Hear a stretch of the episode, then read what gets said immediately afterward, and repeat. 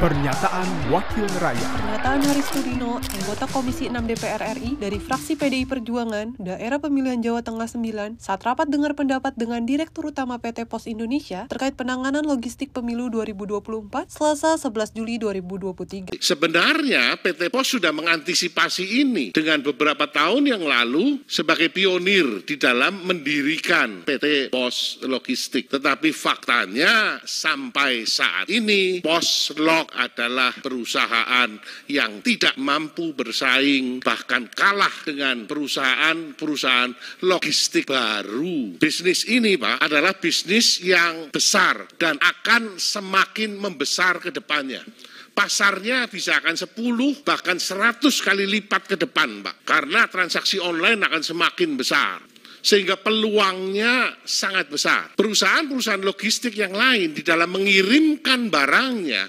terutama ke daerah-daerah tersier, mereka toh memanfaatkan infrastruktur dari PT Pos Indonesia. Sehingga peluang ini harus diambil, harus ada sinergi parenting antara PT Pos Indonesia sebagai induk dan PT Pos Logistik sebagai subsidiarinya.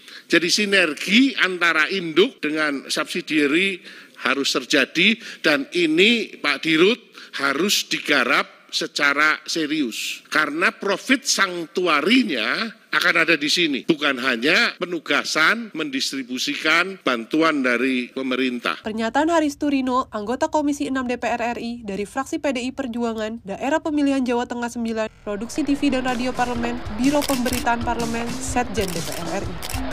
Pernyataan Wakil Rakyat